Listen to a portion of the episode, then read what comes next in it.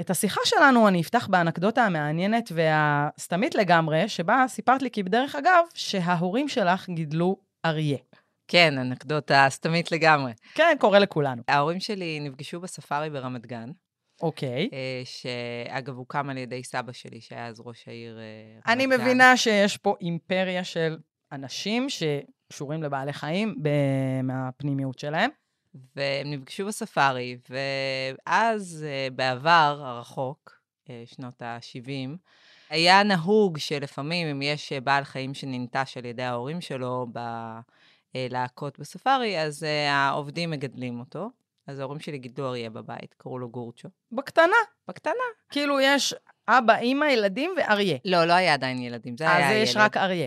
זה היה הילד, כשהם היו מגיעים הביתה, הוא היה... הם היו פותחים את הדלת, הוא היה רץ אליהם, קופץ אליהם, עד שזה כבר הפך להיות קצת יותר מדי גדול. אבל מה הבעיה? בעל חיים כזה, שאנחנו מדברים כאן על אה, להקות של אריות ובעלי חיים עם אה, נושא של אה, טריטוריה ונושא של, של שליטות, אז בסופו של דבר הוא חזר, הוא חזר לספארי, והוא לא יכל להיות עם הלהקה, כי הוא בעצם, הוא לא גדל שם, הזכרים השולטים לא רצו אותו בחברתם, והוא היה צריך להיות בנפרד מהם. אוי. מה עושות האיילות בלילות? לציפור בין העצים. לאריה ולאריה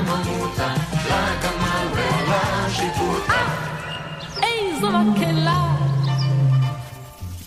הסכת ארץ ישראלי מצוי. גלי צה"ל ורשות הטבע והגנים נכנסים איתכם לסבך המקומי. עם נעמה טוכפלד.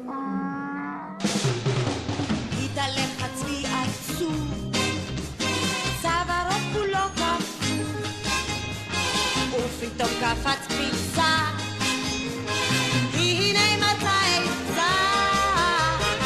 צבי שיטים, האם ידעתם שיש מין כזה בישראל, והוא אפילו מין בסכנת הכחדה עולמית? כן, כן, רבותיי, אל תסתכלו על הצבעים כמין אחד כללי, יש לנו פה מינים, צריך לשמור עליהם היטב. נמצאת איתי כאן דוקטור טל פולק, אקולוגית אילת וערבה ברשות הטבע והגנים. שלום לך, טל. שלום רב. את נולדת לתוך עולם של בעלי חיים. אני גם מאוד אוהבת את הטבע מגיל מאוד צעיר. אך טבעי שביום מן הימים תהפכי להיות אקולוגית ו... תעקבי אחרי בעלי החיים האלה מהצד האחר שלהם, לא ספארי וכלובים, אלא באמת אזורי המחיה הטבעיים. והיום אנחנו נדבר על צבי שיטים, מין מאוד נדיר, שאני מבינה שעולם המחקר ובכלל, כל העולם הזה של אקולוגים ושמירת טבע עוסק מאוד בניסיונות לשמור ולשמר את המין הזה. אבל בואו נלך רגע להתחלה. מבלבלים את הצבעים עם יעלים ואיילים ועיזים וכל דבר שיש לו קרניים. אז בואי קודם כל תעשי לי סדר, מה מייחד את הצבעים, מה המשפחה הזאת ומי הבני דודים. אוקיי, okay, אז צבעים הם קודם כל משפחה, הם uh, בעצם תת-משפחה של משפחת הפריים, הם שייכים uh, לאנטילופות, ויש לנו בישראל שלושה מיני צבעים. יש לנו מאזור באר שבע צפונה את צבי ארץ ישראלי, על שם הפודקאסט הזה, כמובן. אה, נכון. צבי ארץ ישראלי הוא הצבי הגדול יותר, הוא נמצא באזורים הממוזגים יותר בישראל, במרכז, בצפון, אה, רואים אותו הרבה. הוא בעל חיים אה, מרשים, הוא הולך בעיקר באזורים אה, פתוחים, במישורים, שלא להתבלבל עם יעלים שמאוד אוהבים את המצוקים. Aha. וכשאנחנו מסתכלים מאזור באר שבע ודרומה, אז יש לנו את צבי הנגב, שזה צבי של uh, מישורים פתוחים, uh, צבי קצת יותר קטן, קצת יותר בעיר, שנמצא הרבה באזורים של נחלים פתוחים מאוד גדולים שהוא אוהב. יש הרבה בערבה, באזור uh, הר הנגב הגבוה, באזור הנחלים הגדולים. זה הצבי הנפוץ, זה הצבי שאנחנו בעצם, כשאנחנו מטיילים במדבר, אנחנו רואים אותו. זה מה שרואים. אם רואים צבי, זה מה שאנחנו רואים. אוקיי. Okay. ובשנות ה-60 גילו עוד צבי. בהתחלה חשבו שמדובר בתת מין, כלומר איזשהו בן דוד קרוב של צבי ארץ ישראלי, כי ככה הוא נראה, הוא מאוד דומה בחלק מהתכונות שלו לצבי ארץ ישראלי. אבל uh, מאז זה קצת התפתחנו, ויש מחקרים גנטיים, וממש ראו שמדובר במין נפרד לחלוטין, שיותר קרוב uh, למין uh, של צבי ערב, שנמצא במדינות כמו ערב הסעודית, ובעצם הוא שונה לחלוטין, הוא לא קרוב משפחה, לפחות לא קרוב קרוב, של אה, צבי הנגב, ולא קרוב של צבי ישראלי. מעניין. של צבי ארץ ישראלי, כן. מה, מה מיוחד בו? זאת אומרת, מה שונה בו אה, משאר החבר'ה המקומיים? תראו, אם את תסתכלי על שלושתם ביחד, רוב הסיכויים שלא תשימי לב בכלל להבדלים. ההבדלים. בשביל מה הבאתי אותך נכון. לכאן? בבקשה. ההבדלים הם מאוד קטנים, אבל מי שיודע לראות אותם כבר יודע להבחין. אז, אה, אז בעיקר ההבחנה צריכה להיות בין צבי נגב לצבי שיטים, בגלל שצבי ארץ ישראלי לא נמצא באותו בית גידול. אז אה, רק אני אלך שנייה אחורה להיסטוריה. צבי, צבי שיטים התגלה בשנות ה-60 על ידי הזואולוג יורא אילני. כמו שאמרתי, הוא חשב שמדובר בתת מין של צבי ארץ ישראלי.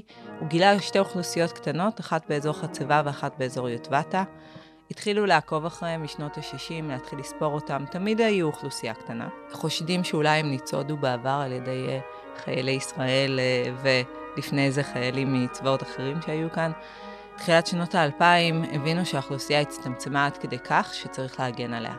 וככל הנראה, הפרטים האחרונים שנותרו מהאוכלוסייה, 12 פרטים, היו באזור יוטבתה. 12? זה מה שנשאר? כן. וואלה.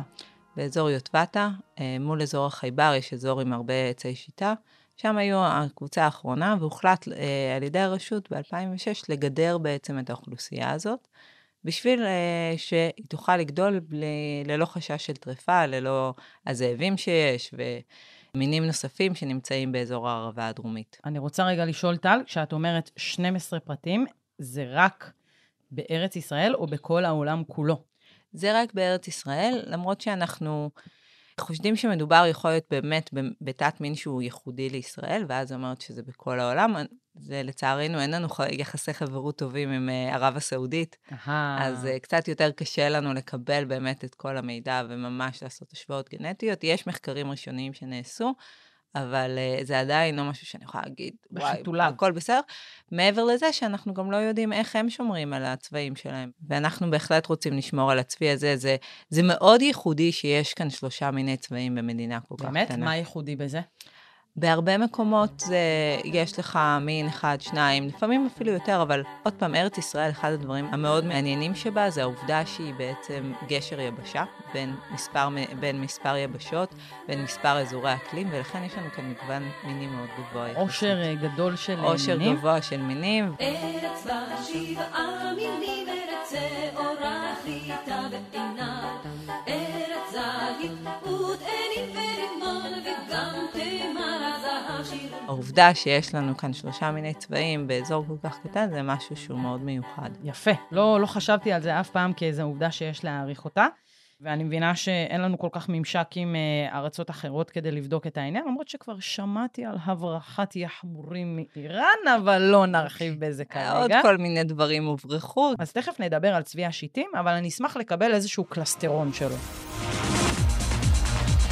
הקלסטרון. לזהות את החיות. ובכן, הנה הוא פרצופו העליז משהו של גיבורנו האלמוני, אין לנו שם, אין לנו כתובת, אבל התמונה ברורה מספיק כדי שמי שמכיר יזהה אותו בקלות.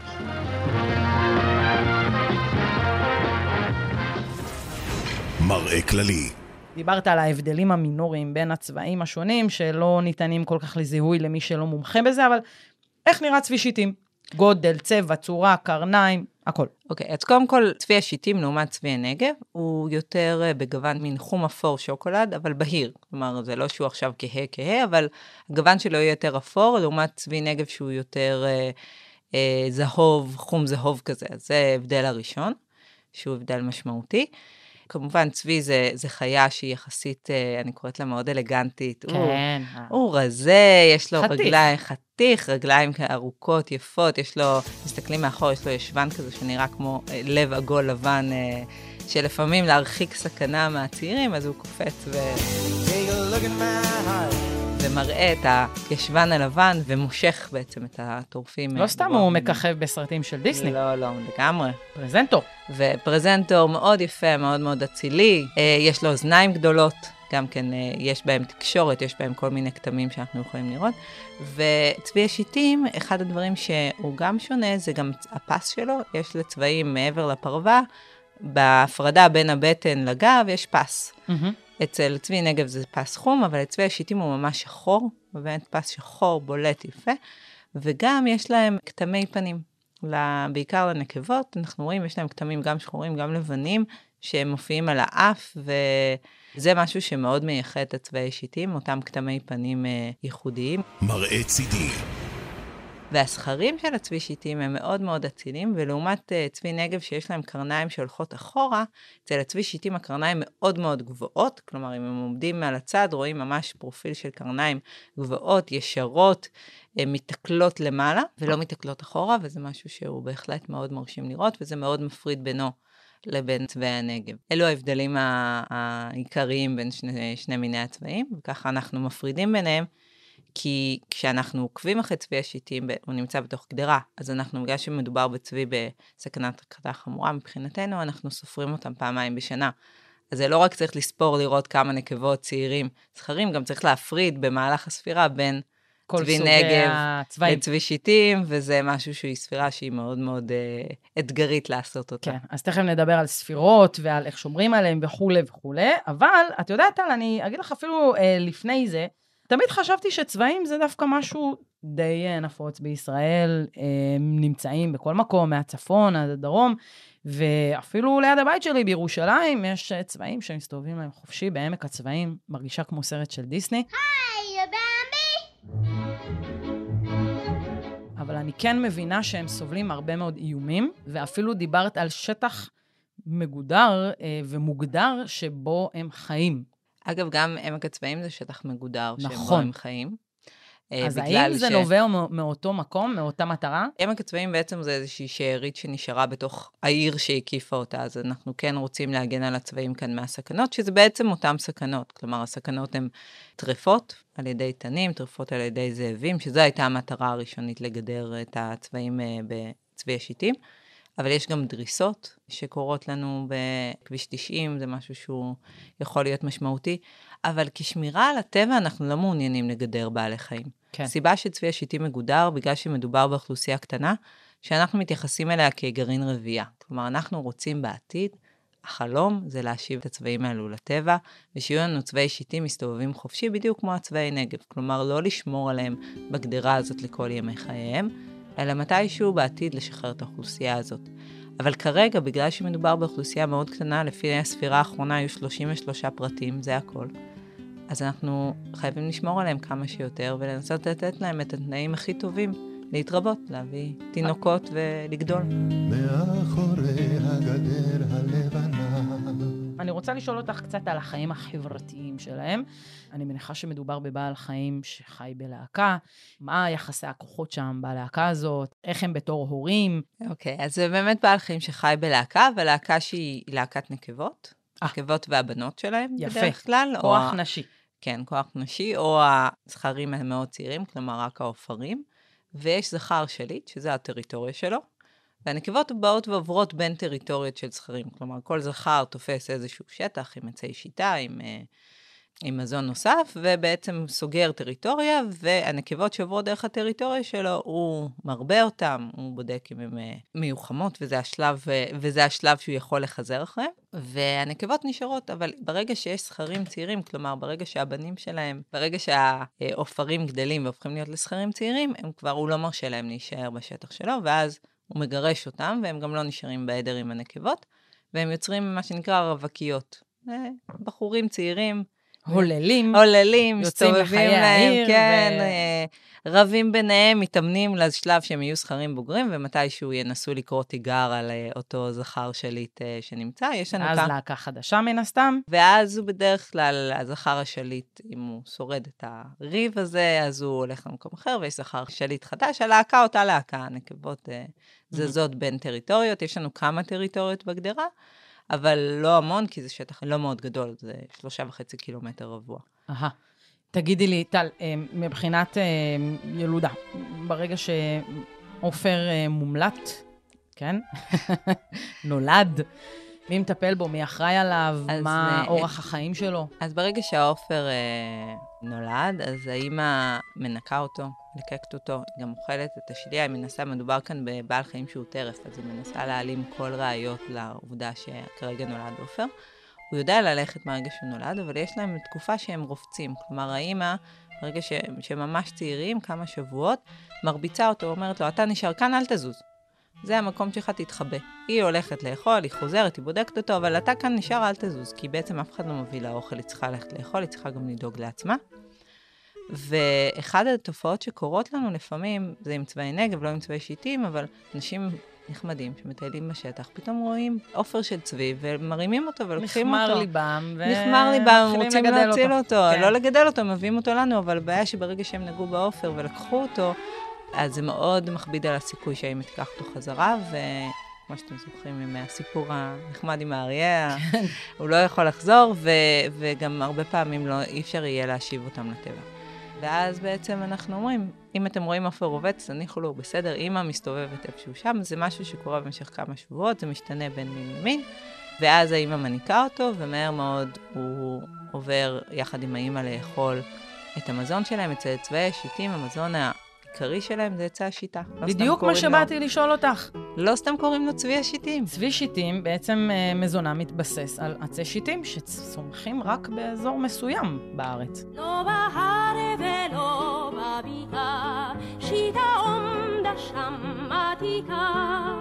הם צומחים בדרום, בעיקר אנחנו רואים אותם באזור הערבה ובאזור הנחלים הגדולים בדרום אה, הר הנגב. מה ו- מיוחד בעץ הזה שהם מוצאים בו את מזונם? קודם כל זה העץ, באזורים שאני מדברת עליהם, זה העץ היחיד שיש לנו, אה, וואלה. שזה עץ מאוד מיוחד, אגב, זה אחד מיני המחקר שחקרתי להם במחקר מאסטר שלי, וזה, בעיניי הוא כבר יותר בעל חיים מעץ, יש לו יכולת אה, גם לשרוד בתנאים מטורפים, גם אה, חי המון המון שנים, ואנחנו, הוא מה שנקרא מין מפתח במדבר, זה מין מפתח מלשון keystone, מלשון אבן ראשה. כלומר, הוא מחזיק את הקשת. והוא כאן מחזיק את כל המערכת האקולוגית סביבו, באזורים שהוא נמצא בהם, ובשביל הצבעים הוא מספק מזון, מספק צל, הם אוכלים גם את העלים שלו, גם את התרמילים, גם את הפרחים.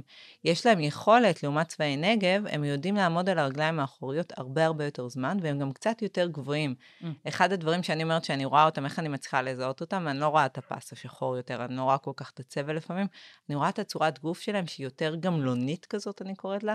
הרגליים האחוריות טיפה יותר גבוהות מהקדמיות, ואז זה יוצר להם מין צורה טיפה מוזרה, כן. אבל אז הם יכולים לעמוד על הרגליים האחוריות האלו ולהגיע יותר גבוה בעץ, ולאכול מהעלים שלו בצורה זהירה, כי יש הרבה קוצים. נכון. עץ השיטה, אחד הדברים שהוא עושה בענפים התחתונים, כיוון שהוא יודע שאוהבים לאכול אותו, הוא מצמח קוצים יותר ארוכים, כדי uh, לנסות אה. למנוע...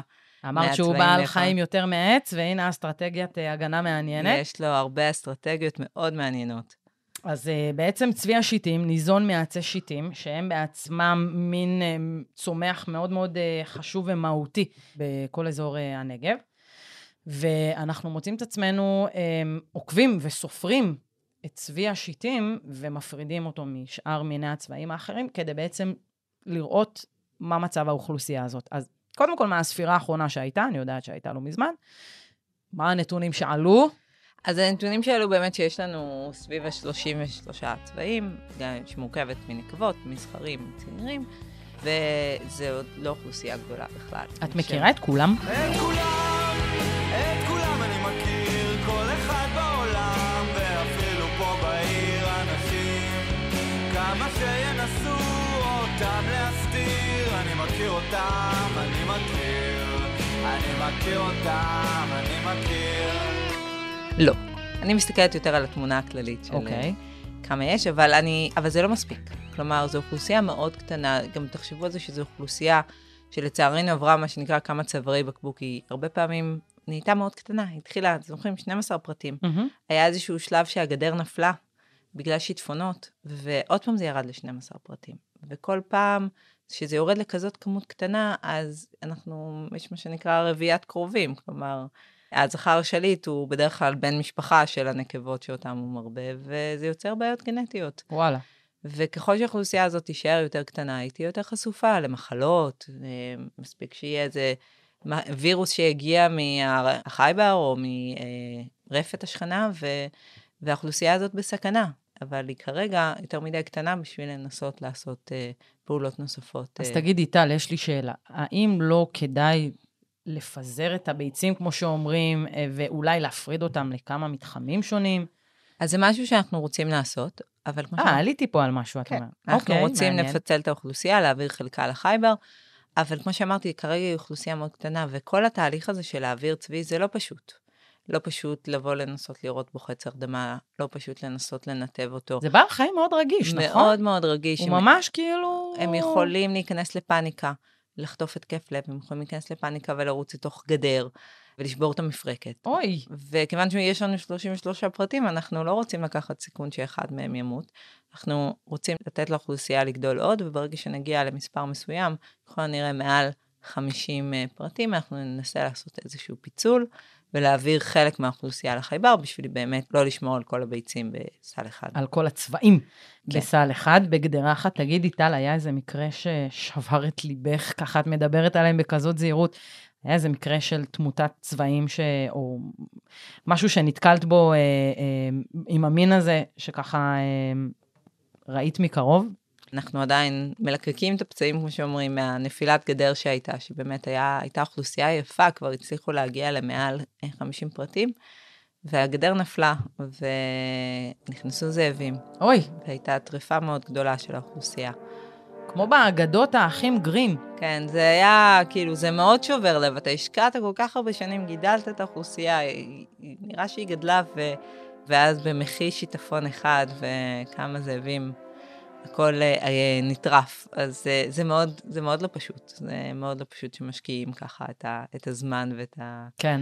אבל אני מניחה שזה דרכו של עולם לפעמים, ויש דברים שאי אפשר לקחת בחשבון, כמו אה, שיטפונות, זאבים ודברים כאלה.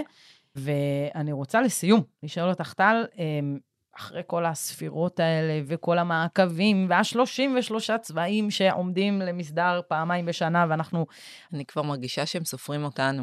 בדיוק. הם כבר לא בורחים מהמכון, הם כאילו... עוד כאילו... פעם אלה באו, תעמדו הם חבר'ה. אומרים, רגע, בוא נראה מי הם היו בפעם הקודמת במכונית שם, הם המכונית הזאת הייתה שם, מה הם רוצים מאיתנו שוב פעם? ביקום. מקביל, אני אומרת לך, צבעים סופרים בני אדם. אני גם בטוחה ככה. אבל ככה, כשאנחנו עדיין בפוזיציה הזאת, אני רוצה לשאול אותך אם את יותר אופטימית או יותר פסימית ביחס לאוכלוסייה המאוד נדירה ורגישה ושברירית הזאת, והאם את רואה באמת את החלום שלך מתגשם, גרעין רבייה שחוזר לטבע וכולי וכולי. אני לא יודעת. אני, בוא נגיד את זה ככה, אני רוצה להיות אופטימית, כי אנחנו משקיעים בהם הרבה זמן. אני פסימית שאני אראה את זה בימי חיי, כי לפי דעתי לא כל השבות מצליחות לנו, ולפי דעתי זו השבה שאם היא תצליח, יש עוד כמה עשרות שנים של גידול של גרעין רבייה לפני שאנחנו נוכל להשיב אותם. ואחד הדברים הבעייתיים הנוספים בהשבה שלהם זה, זה בכלל אזור, אזורי המחיה שנותרו להם.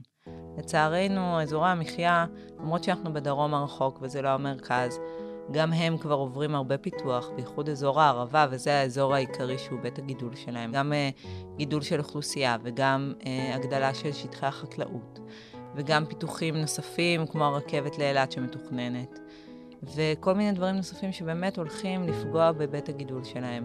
ואולי לא יהיה לנו לאן לשחרר אותם. סוגיה מעניינת, שלא חשבתי עליה מהכיוון הזה, אבל את יודעת, מטל, אני מעדיפה להיות אופטימית יחד איתך, ומי יודע, אולי בכל זאת תזכי ותראי אה, בימי חייך את גרעין הרבייה של צבי השיטים משגשג ופורח.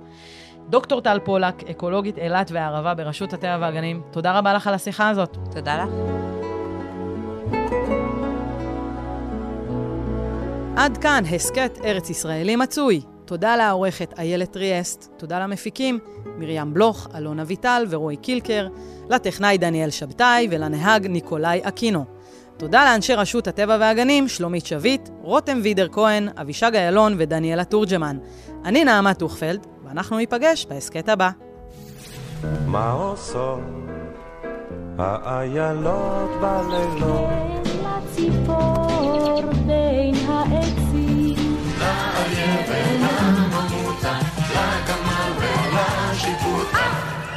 איזו מקהלה! הסכת ארץ ישראלי מצוי.